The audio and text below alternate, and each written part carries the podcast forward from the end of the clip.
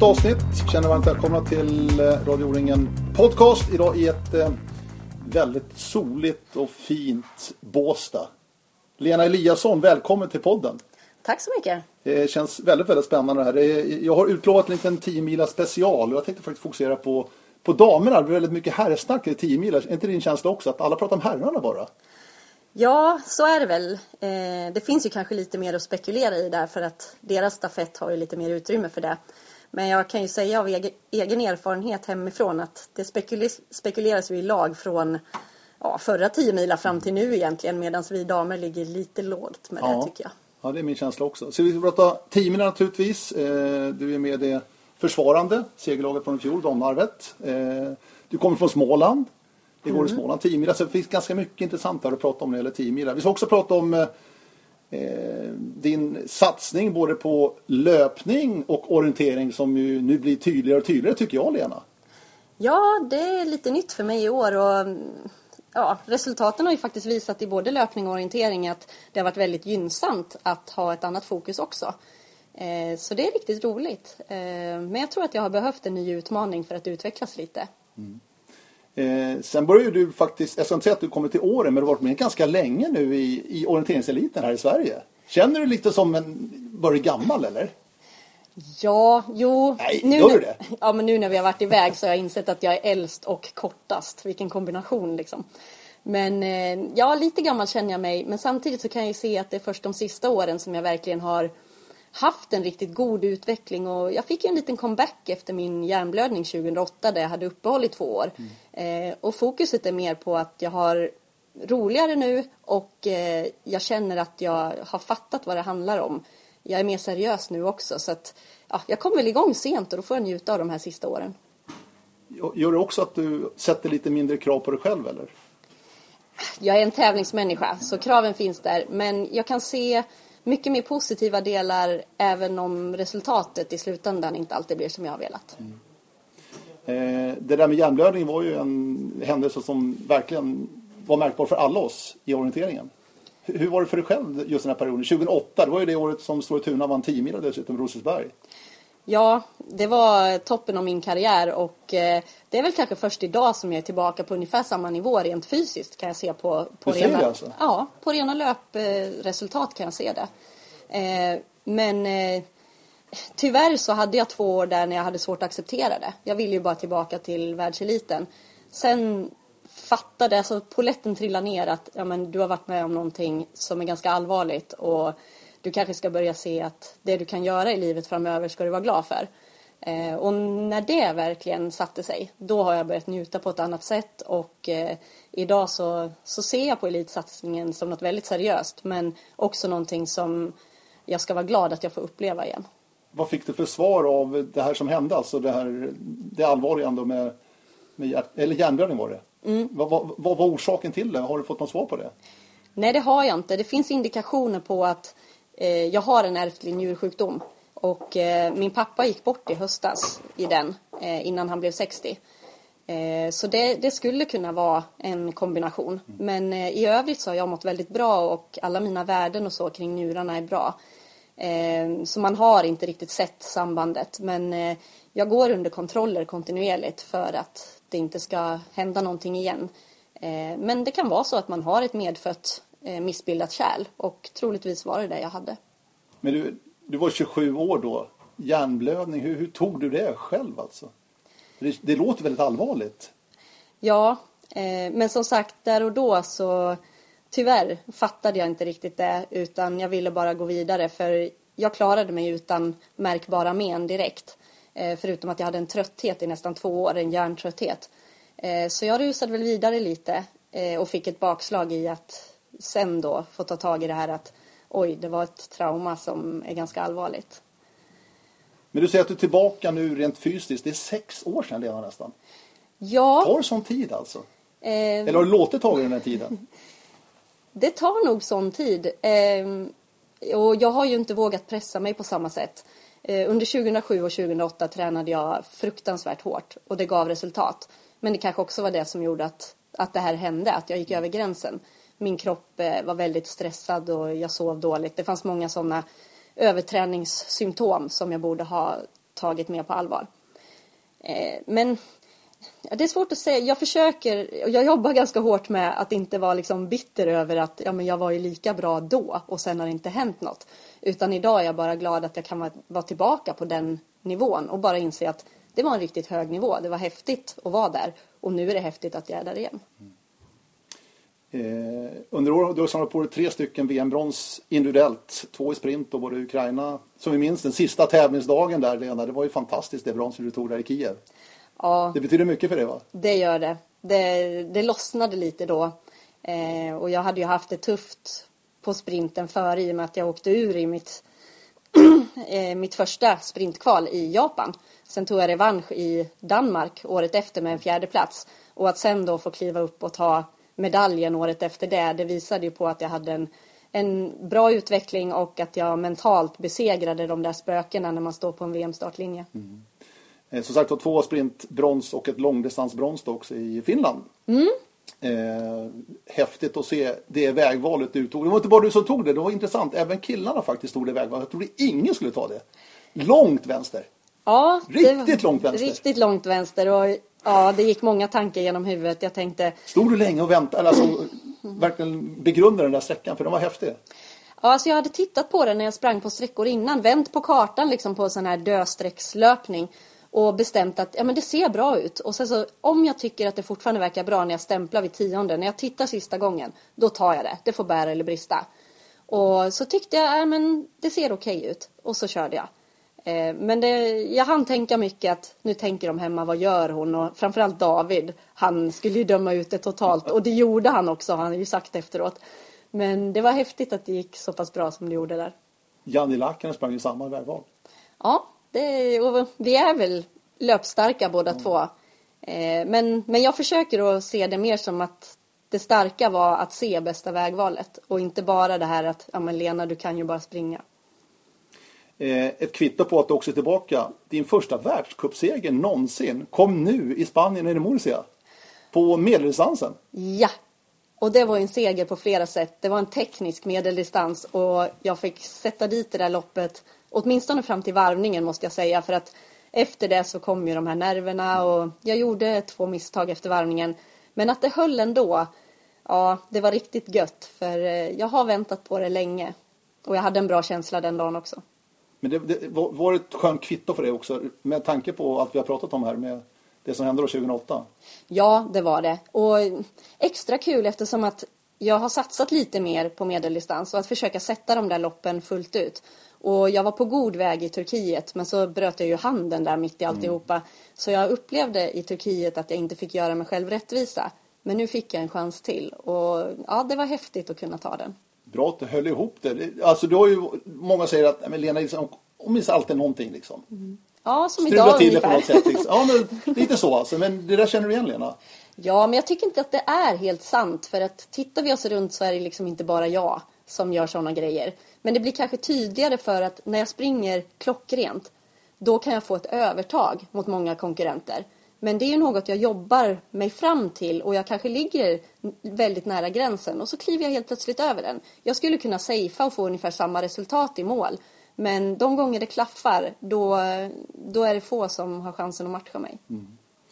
Eh, det är Lena Eliasson ni hör, Radio O-ringen Podcast. Eh, vi ska alldeles strax prata 10 milas alltså, som är superintressant bara en vecka bort här när vi sitter nu i ett soligt Båstad. Nu börjar det bli lite molnigt faktiskt. Men ändå ett fint Båstad där vi har kört Silva League. Sprint idag. Men jag tänkte, din löparsatsning. Du sprang ett eh, halvmaraton-VM i Köpenhamn för inte så länge sedan. Du har sprungit maraton i Dubai Ja, det här året. jajamän. Det är väldigt mycket plus då som vi pratar om världscupen i orientering, EM i orientering. Det låter väldigt mycket i mina öron. Det är väldigt mycket, men det är också så att jag byter fokus hela tiden och för mig så har jag märkt att det är bra att jag får vila från orienteringen lite. Jag har dratt ner på de tunga skogsteknikpassen i slitna perioder för mig och lagt in lite mer väglöpning och fått rensa hjärnan och det har funkat väldigt bra. Eh, sen märker jag ju nu, förra helgen och den här helgen, jag är trött men jag är i träningsfas så det är okej. Eh, nästa mål är att eh, ta mig till mina distanser som jag vill ha till VM i Italien. Eh, och sen efter det så, så kommer ju VM liksom. Det är nästa höjdpunkter och däremellan så är det lite låg säsong. eh, just i att prestera på tävlingarna. Så jag försöker hålla upp en hög niv- nivå och leverera och, och där har jag höjt mig. Så det är väldigt positivt. Men alltså, jag får inte ihop det. Går det att kombinera alltså? Orientera dig då med både sprint, medeldistans och långdistans och maraton? För att det är ju så väsensskilda tycker jag. Är det inte det?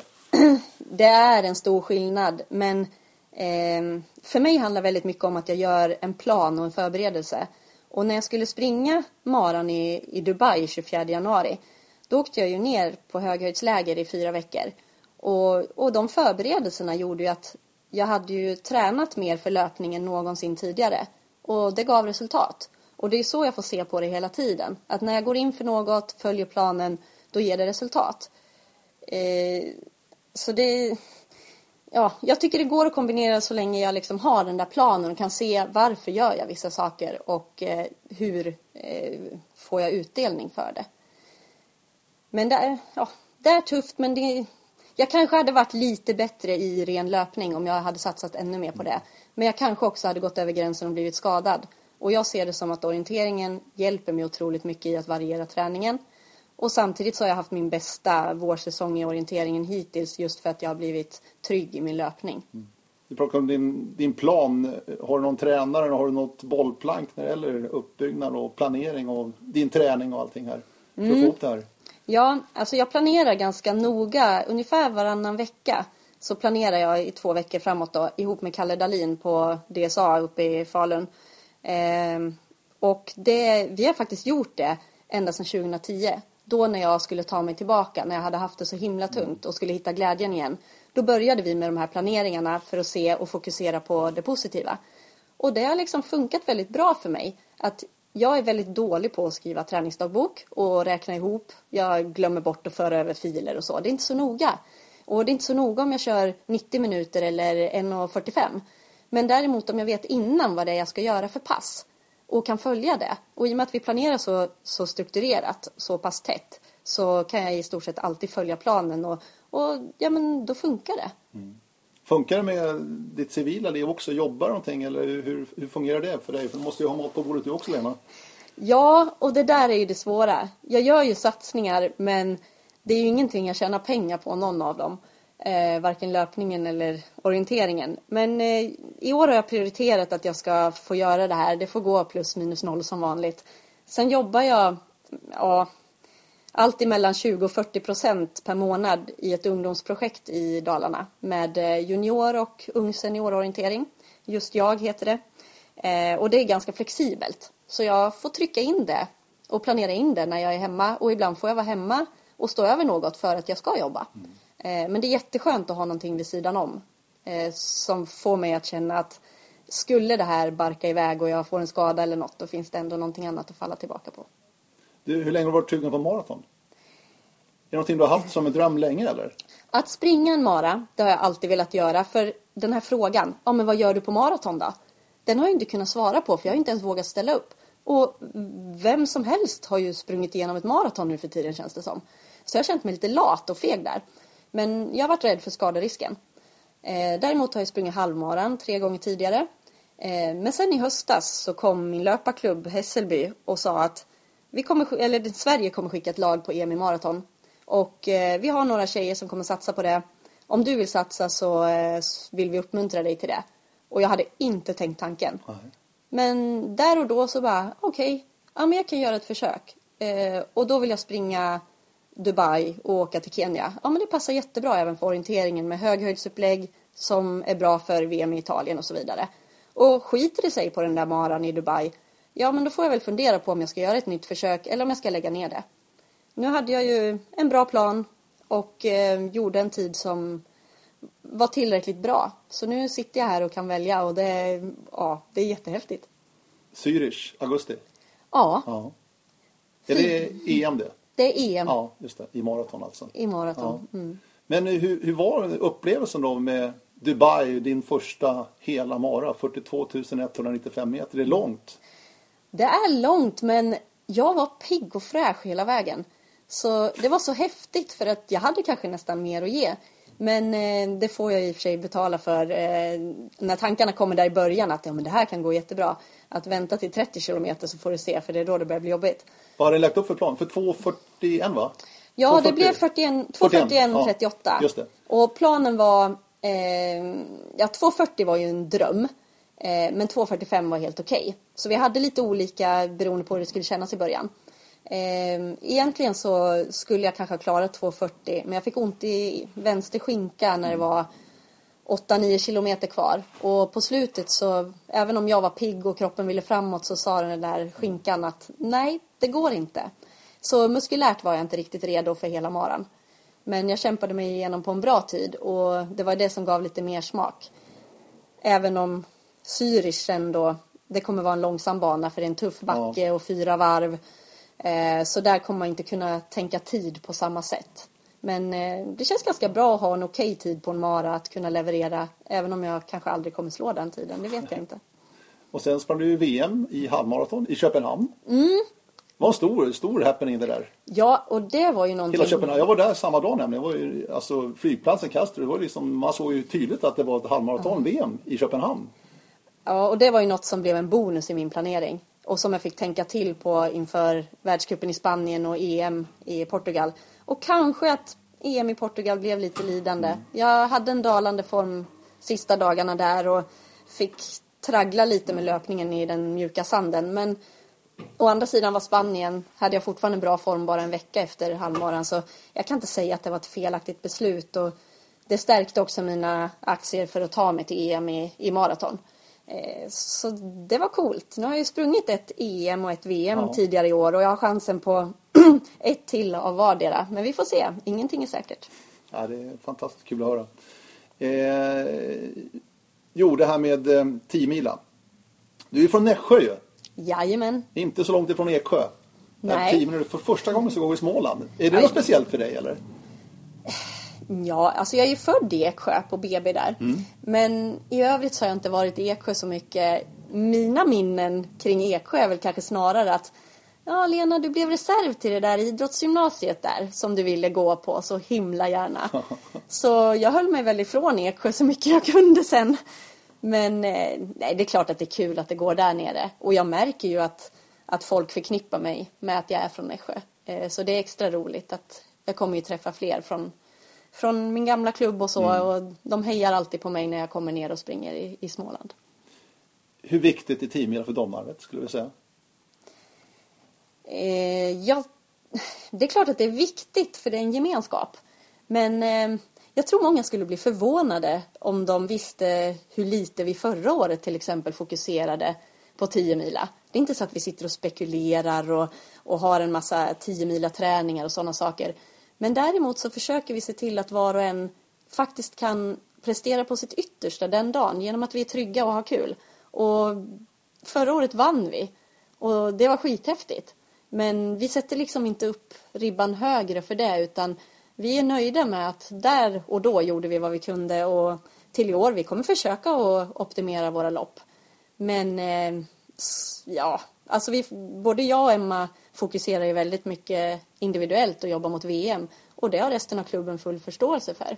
Men när det väl är 10 mila den dagen, då är det bara det jag tänker på. Men visst är det viktigt med rutin? Det känns som det i alla fall. Vi pratar Domnarvet också. Ni, ni har ju verkligen mycket rutin i laget.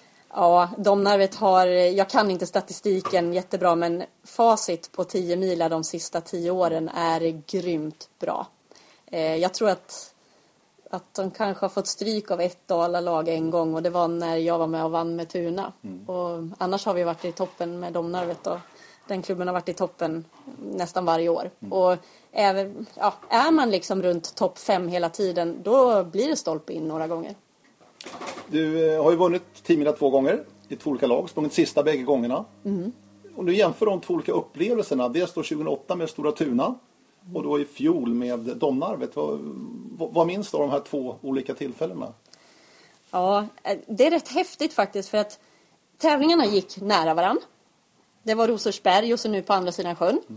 Eh, och sen, ja, jag sprang sista båda gångerna och jag visste att jag var i bra slag. Eh, men det handlar ju hela tiden om hela lagets insats.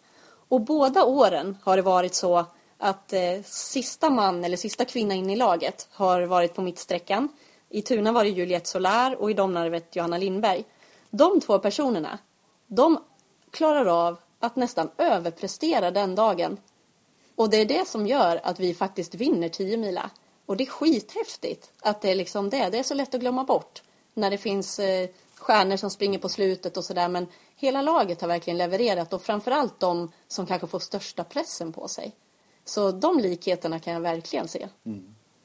Du, laddar du speciellt för 10 mila? Som tävling, som upplevelse?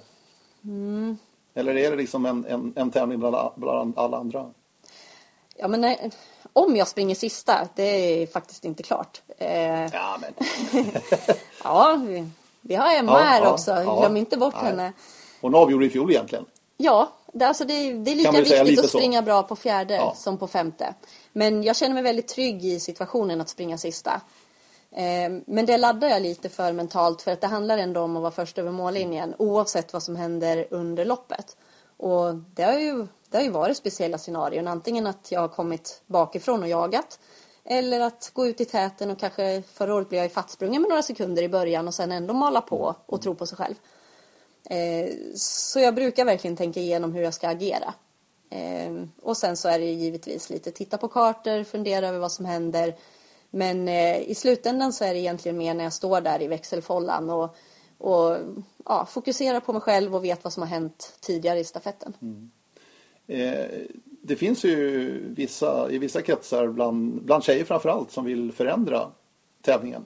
Mm. Börja införa nattsträckor, kanske ännu längre sträckor. Eh, vad har du för åsikter i det här ämnet? Alltså 10 mila som det ser ut just nu på damsidan har ju sett ut ganska likadant sedan 77. Även om det var mycket kortare banor på den tiden. Mm. Där har det skett en förändring, en tydlig förändring faktiskt vad gäller banlängderna. Men annars är det ju samma, det är på lördag eftermiddagen. Mm. Det är tusentals, alltså det är som mest folk skulle jag vilja säga på 10 mila när damerna kör. Ja, eh, det är svårt det där för att även om jag skulle vilja, eller jag kan tänka mig förändringar så samtidigt känner jag att internationellt så ligger 10 mila lite tufft i programmet. Och jag tycker det är rätt skönt att det inte tar mer energi från mig. Alltså herrarna springer på natten, vi ska åka till Italien några dagar efter nu på VM-läger. Jag har en gynnsam situation då när jag springer på dagen. Ehm, så det är ju faktiskt bra som det är nu. Jag är inte jätteintresserad av att springa på natten. Men däremot så just det här att kunna ha gafflade sträckor, eh, kanske jämnlånga. Alltså att det ska vara mer utmaning på varje sträcka. Att vi har en kort rak sträcka på mitten, det tycker jag är det största felet. Eh, Varför det, ja, men det handlar inte om att man i damstafetten ska kunna kasta in någon som ska hänga sig runt. Så tänker vi inte i herrstafetten. Där är det natt, och även om det är mm. rakt. Och visst, man kan hänga, men då ska man springa liksom 18 kilometer. Så det tycker jag är ett lite felaktigt tänk. Eh, och sen att man dessutom kanske ger mittsträckan en medeldistanskaraktär.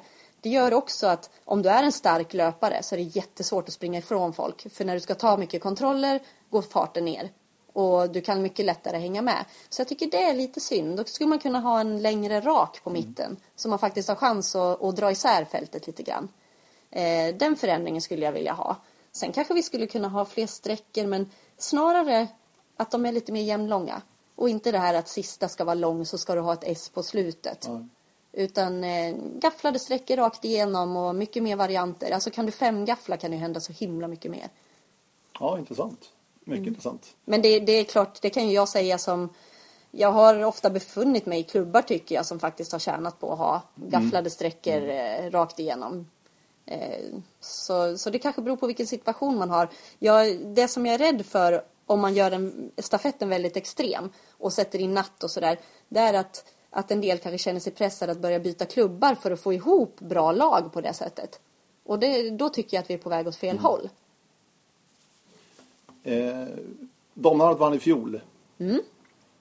Vilka är de farligaste konkurrenterna? Hur bra koll har du på, på lagen där som fightas? För att Domnarvet är ett av lagen i år också, självklart är det så. Mm. Men vilka är de andra starka som du ser nu inför Timila som vankas nu i Eksjö här? Jaha. Jag tror ju att eh, OK Linné är väldigt starka. Även Göteborg-Majerna. Eh, det är ju lite så, blir stafetten tight så handlar det om att ha en bra avslutare. Och där finns det många som kan vara med och slåss mm. om det. Jag har dålig koll på de utländska lagen, det måste jag säga. Jag tänker mig att Halden är alltid med i toppen för de har jättebra förberedelser. De går in för det på ett annat sätt. Men samtidigt så är Hausken inte där längre. Eh, och hon har ändå varit ett ankare som har gjort bra insatser. Men eh, ja, sen så är det ju faktiskt så att vi, vi har en dalakamp. Ja. Alltså det är svårt att vara bästa dalalag och nu har även OKK kommit upp och börjat visa framfötterna. Så Verkligen. det är lika svårt att vara bäst på DM som på 10 mila och SM och allting. Så ja, det är inte förvånad om det kommer en dalaklubb och är med i toppen. Ja, det är häftigt. Ehm, 10 mila, Domnarvet och Stora Tuna. Eh, jag tänker lite... Du sa du har lite dålig koll på norska lagen och finska lagen också. Finska är kanske ännu svårare att ha koll på faktiskt för oss här i Sverige. Eh, när jag tänkte på här från eh, EM som nyligen avslutades, även världscupen i Spanien. Att Norge är ju knappt där längre. Vad är det som händer den alltså? Denna stormakt verkligen. De har ju faktiskt eh, gjort lite prioriteringar och satt ner foten för att visa att programmet inte är bra. Så de hoppar ju över saker. Eh, I Sverige har vi anpassat oss och vi åker runt på det mesta. Eh, så det är väl delvis det. Men sen så tror jag att de, det är lite tufft. Alltså, Sverige har fler att ta av. De blir mer sköra. Eh, och jag tycker att vi har haft en väldigt positiv utveckling i vårt landslag. Vi har många yngre som kommer och samtidigt har kanske jag och några till eh, gjort bättre resultat på, på senare år också. Så det är tufft om platserna.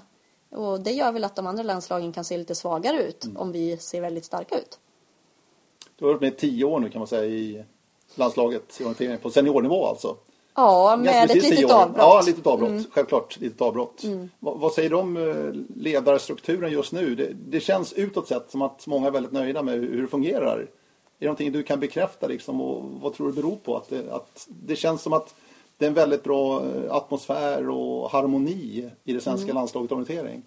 Ja, men det, det upplever jag verkligen och det arbetet har ju gjorts gediget under flera år. Det började ju nästan där med VM i Frankrike som var ett jätteframgångsrikt år. Och eh, då, då var det en framåtanda och ett väldigt tillåtande klimat och vi lärde känna varandra bra, vi löpare och ledare.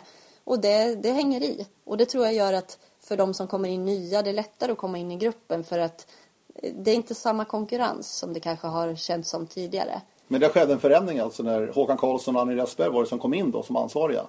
Ja, alltså jag kan inte säga exakt vad det är som har hänt. Det kanske är min, mitt eget förhållningssätt till saker och ting också som har ändrats. Men, men där och då upplevde vi att det hände någonting. Eller resultaten började helt plötsligt trilla in. Och, och jag upplever att de har jobbat väldigt hårt för att vi ska må bra i gruppen. Och att, att jag som löpare är en person som är väldigt viktig oavsett vad jag gör för resultat. Och det är något som har hämmat mig tidigare. Alltså jag har haft svårt med det. Jag har sett mig som mina resultat. Och det är kanske många andra som också har haft den problematiken. Och att få hjälp med den och jobba med det. eh, Det har nog gjort att varje individ har lyft sig och då har det också blivit lättare att umgås tillsammans. Eh, nu vann du medeldistansen, eh, världscupen här i Spanien. Mm. Vad ser du framför i sommar? Sprint, lång där du har VM-medaljer eller medel? Alltså nu pratar vi VM i Italien. Mm. Eh, ja, det är ju jättefarligt att säga sådana här grejer och så blir det totalt annorlunda eller ingenting alls. Men, Jag eh, tänkte mer bara känslan just nu, vad, vad, Ja. vad du ser framför dig. Ja, nej men jag har sagt från början att jag vill satsa på sprinten i Venedig. Och det har ju gått hand i hand med min satsning på asfaltslöpning. Sen behöver jag träna upp lite, lite fart och, och sprintteknik för jag la ju bort den till EM då eftersom att det inte var en platt asfaltsprint. Eh, men sprinten ligger mig varmt om hjärtat i år. Eh, sen så gör jag ett försök på medeldistansen. Men det är en av de tuffare distanserna på tjejsidan att slå sig in på. Men jag får göra vad jag kan och jag tycker jag har levererat bättre. Men det finns lite kvar att, visa upp så det är mina förhoppningar och, givetvis en stafett. Alltså jag älskar stafetter. Eh, och det fick jag inte springa förra året. Och jag var besviken men jag får göra, ta nya tag och försöka komma igen och, och ta den där platsen. Men skulle det sluta med att jag får springa lång så visst, det kan ju vara kul.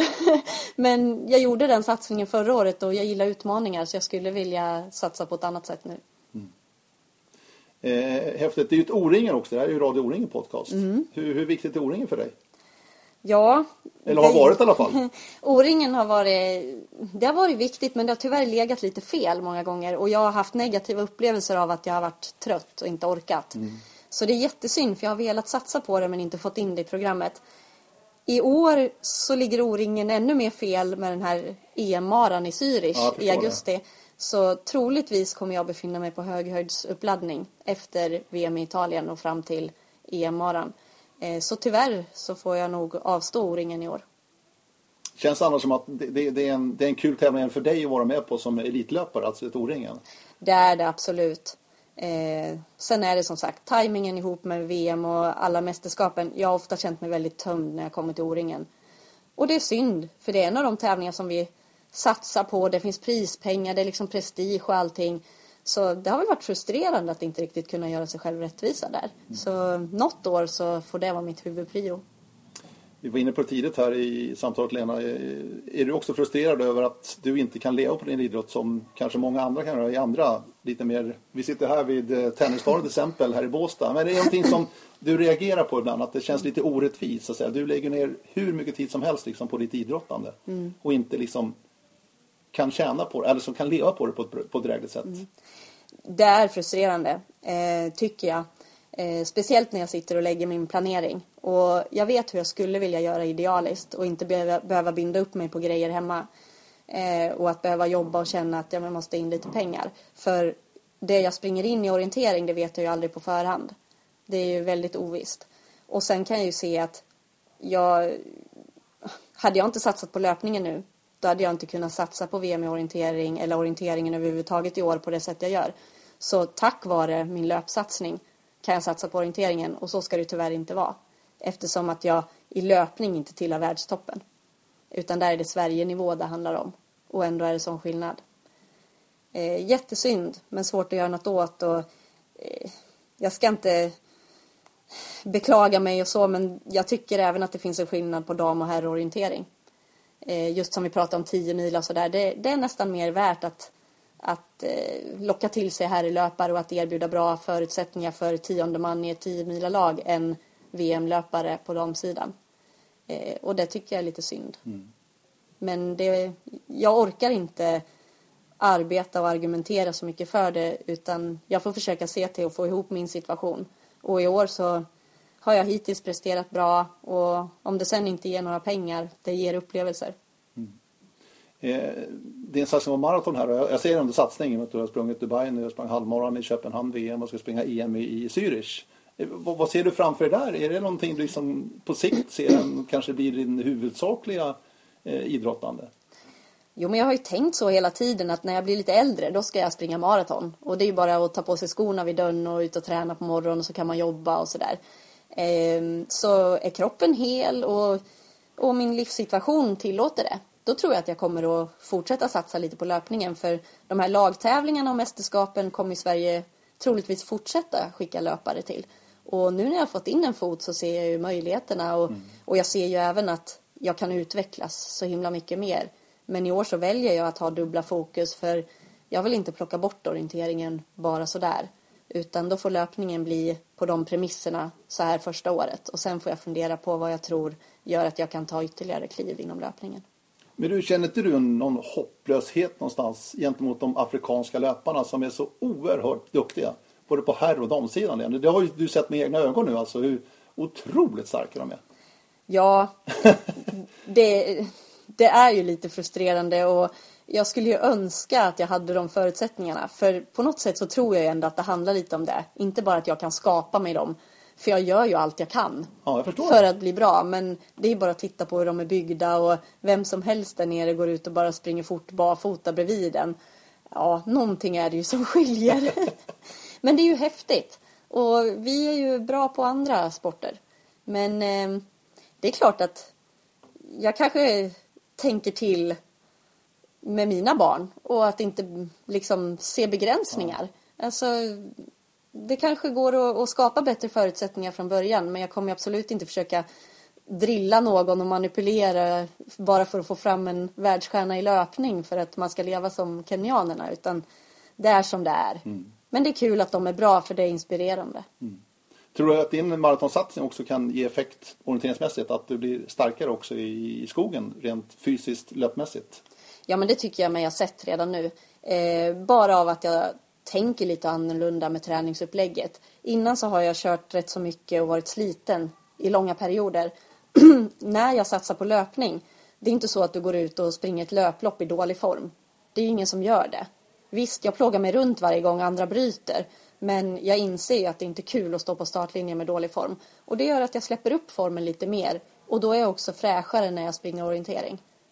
Eh, så att eh, det är något jag har lärt mig tycker jag. Mm. Du, nu ska vi avsluta det här. Eh, vecka kvar till 10 mil. Vad, vad gör du veckan innan? Laddar du på något speciellt sätt? Eller det blir, du matar på i din plan som du har lagt upp för den här veckan? Ja, just nu är jag i lite mer träningsmode kan man väl säga.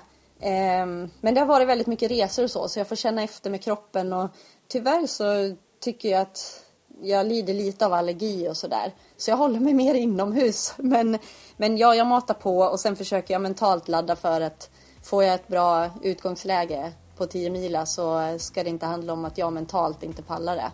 Utan oavsett dagsform så ska jag orientera på ett bra sätt. Och känslan är att ni kan vinna igen? Alltså kan vinna igen? Eh, ja, eh, det var många som inte trodde vi kunde förra Nej, året. Exakt. Och då kunde vi det. Så det är inget som säger att vi inte kan det nu. Du, trevligt Lena Eliasson. Mm. Stort tack för att du var med här på Radio Ordningen Podcast. Och ni kan som vanligt höra av er med önskegäster med andra idéer och uppslag på radio Vi säger tack och bock ifrån ett soligt Båstad. Vi hörs framöver. Hej då! Hej, hej.